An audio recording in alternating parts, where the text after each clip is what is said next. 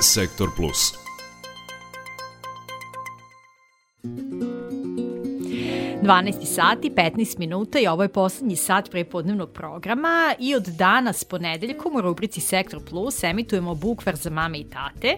A, to je a, rubrika novinarki i autorki Ivane Drapšin-Šurković. Ivana je trenutno i sa mnom u studiju da zajedno najavimo teme koje će pokretati naša nova rubrika i evo Ivana sam naziv bukvara već sugeriše da je to neko osnovno znanje koje je neophodno roditeljima. A, koji ćeš set tema obuhvatiti u narednom periodu onako da nam daš neki okvir.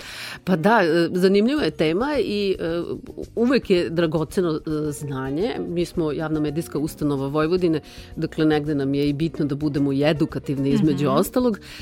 Pa počet ćemo sa temama koje, po, naravno, kad stigne beba kući iz porodilišta.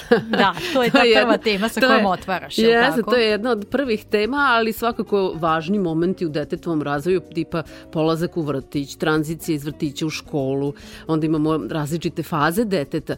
E, interesantno je uvek da znamo poneki podatak, recimo da je detetu od dve godine normalno da imitira ponašanje drugih, a mi nama se čini mhm. ponekad kao roditeljima gled ko ponaša se kao majmunčić. Ne, to su samo faze učenja koje su sasvim prirodne i normalne. Do četvrte godine, recimo, dete sarađuje sa drugom decom i to je, kažu, inače, E sad, da li da kažemo iz uh, ustanova recimo radosnog detinstva da kažu pa da, najbolje da se tada dete pojavi u vrtiću zato što ona tada već želi da sarađuje sa drugima. Sa tri godine druge su priče ili sa dve Tako godine. Je, da. Međutim, mi kao roditeljimo nekad nemamo tu mogućnost i privilegiju da, da, da imamo biramo. način da biramo i da imamo način da obezbedimo svoje e, najdraže, najmilije, da budu bezbedni, da, da budu na toplom i da bude sve u redu. E, roditelji, e, naravno sad su, ono jako važna stvar, roditelje prvi i doživotni učitelj svom detetu, između ostalog UNICEF je ovo naglasio. E, dakle, treba tu ulogu prihvatiti hrabro, a opet s druge strane e, jedan od naših psihologa je rekao Milivojević Zoran, e, roditelji su imaju različite puteve i to je kao da ste da vozite drumom koji je malo ide levo, malo desno i sad vi uspe, upravljate tim vozilom, tim životom praktično, pa malo skrene levo, onda vi pokušavate mm -hmm. da ga dovedete na pravi put, onda skrene malo desno, vi opet i to tako životom. to je proces, celoživotni proces. Jedan da. dug proces, ali je i lepo i ponekad i stresno, ali e, je veoma važan posao. Da, i zapravo roditelji treba budno uvek da prate te različite faze razvoja deteta i bukvar za roditeljstvo upravo služi tu kao neki saveznik, ja bih pa, rekla. Pa upravo tako, veliki saveznik, jer nisu iste priče o detetu od, pomenuli smo, dve godine ili jednog tinejdžera, kad ste vi imali možda sjajno dete, odjednom imate jednog bunđiju, roditelji često kažu to više nije moje dete ili ne prepoznajemo ga, A, opet, to su deca, tinejdžeri koji treba da razviju svoje mišljenje, a vama već se diže kosa na glavi od koje kakvih mišljenja. Mi ćemo u ovom emisiji Bukur za mami i tate pokušati zapravo da razgovaramo, ne pokušati, već ćemo razgovarati sa stručnjacima, sa psiholozima, sa lekarima. Dakle, e, brinut ćemo se pre svega o zdravlju dece, tako da ovaj, zapravo e, nije namenjena emisija, odnosno rubrika samo mamama i tatama, već i bakama i dekama i zapravo svima I koji su upućeni onima, zapravo na, na vaspitanje i odrastanje dece. E, pa da, baš tako. Mm. Mm -hmm. Da, i naravno, samo još kratko, pa ćemo čuti naravno i, i prvo slovo A bukvara, ali rekla si ko su sagovornici i sagovornici, zaista relevantni ljudi, pa možda da nam daš ukratko ko su sagovornici za, za ovu prvu današnju priču. O, današnji jako interesantan uh, pedijatar iz Novosadskog doma zdravlja. Uh, mi, mi uh, uvek ćemo pokušati da dobijemo uh, ljude koji uh, su u top uh, trendovima, mm -hmm. uh, koliko je to god moguće na svakom planu, uh, ne treba da imamo nedoumice i treba da nam bude jasno da ne slušamo baš uh, svako mišljenje. Dobro je možda saslušati, ali treba ono najmudrije, najrelevantnije iskoristiti. Uh, e, prosto da ne lutamo, da budemo na pravom putu. Da, da ne bismo izgubili kompas i zbunili se. Hvala mnogo Ivana na ovoj najavi. Dakle, sada slušamo e, prvu epizodu, da je tako nazovem, iz rubrike Bukvar za mame i tate, koja se tiče izazova sa kojima se roditelji suočavaju kada beba stigne u dom. Ivana Drapšin-Šurković. Bukvar. Za mame i tate.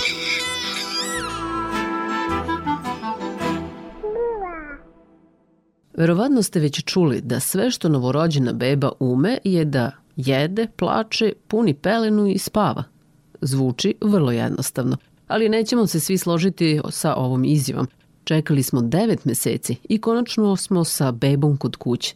Sreći nema kraja. Pa ipak svakodnevni život je pun izazova za novopečene roditelje. A i roditelji reaguju različito. Mame idu u škole. Možda su pripremljenije za ono što sledi. A puno znači podrška nekog ko je prošao kroz isto iskustvo, kaže naša sagovornica mama Slađana. Uplašiš se, jer ja sam imala jako sitnu bebicu i kad ono previjaš, ona je kao mali golupčić, nema šta videti. Uplašena sam bila, međutim ja sam imala svekrvu koja je meni pomagala.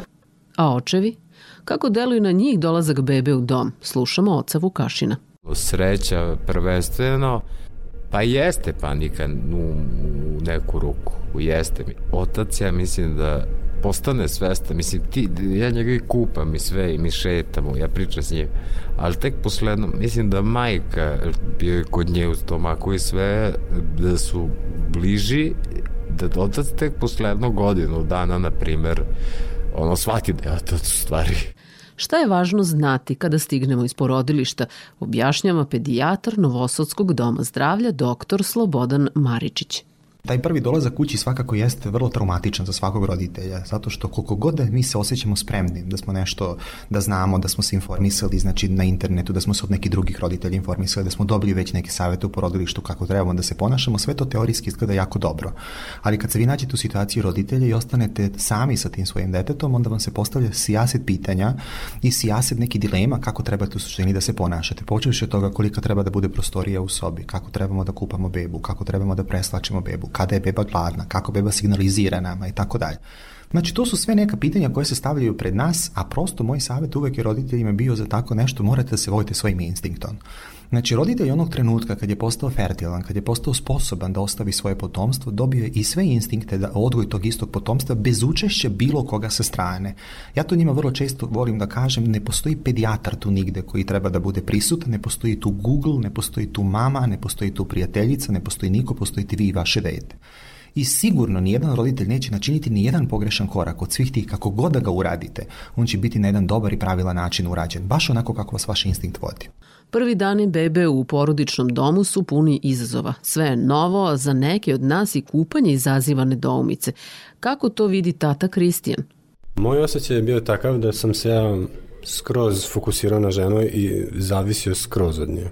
To što ona zna, zna i znam da zna bolje od mene, ja sam samo gledao da učim. I to je bilo glavno što sam ja radio, gledao i učio. Od nje je tašte.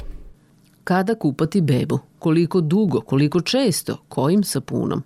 A tu je i pitanje pupčanika. Pupčanik je prosečno 50 cm dug i sadrži obilje matičnih ćelija, a poznato je i da je to prva bebina igračka dok pluta u stomaku majke. Dok izađemo iz porodilišta, pupčanik je obrađen i upakovan. Ali prvo kupanje kod kuće se ne zaboravlja lako. Ipak, strpljenje i smirenost su dobar recept, kaže mama Slađana. U početku se moralo paziti da se ne okvasi, da ne otpadne ranije, on se osuši, a posle toga je lakše kada otpadne pupak posle nedelju dana. Opet se malo pazilo da se ne okvasi. Navikla sam se, onda je bila rutina. Znamo da su novorođene bebe malecke, a regija oko pupka zahteva oprez. Šta savjetuje pedijatar dr. Maričić? Da.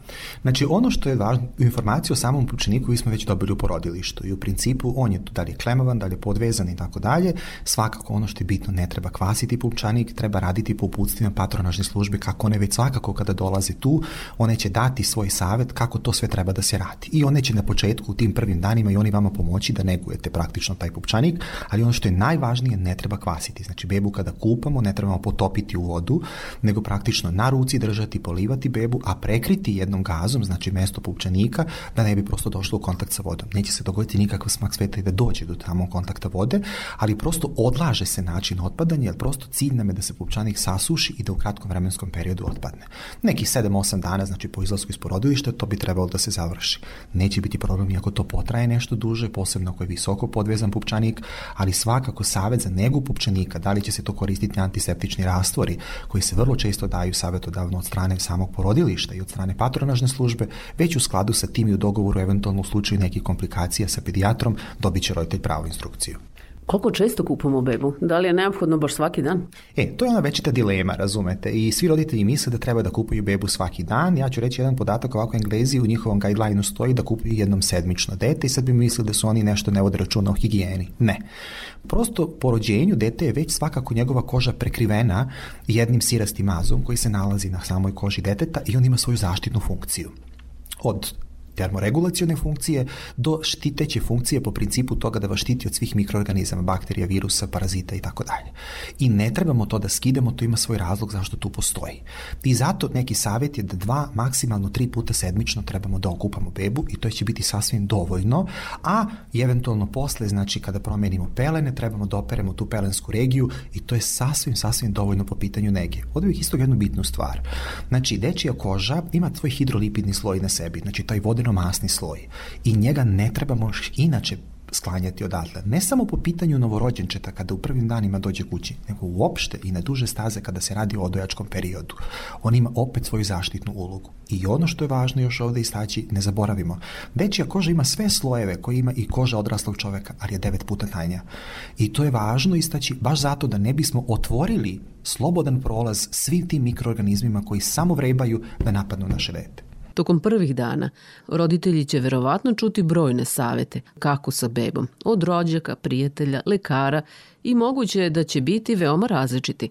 Ipak, svi će se složiti da stres nije dobar jer se prenosi na bebu.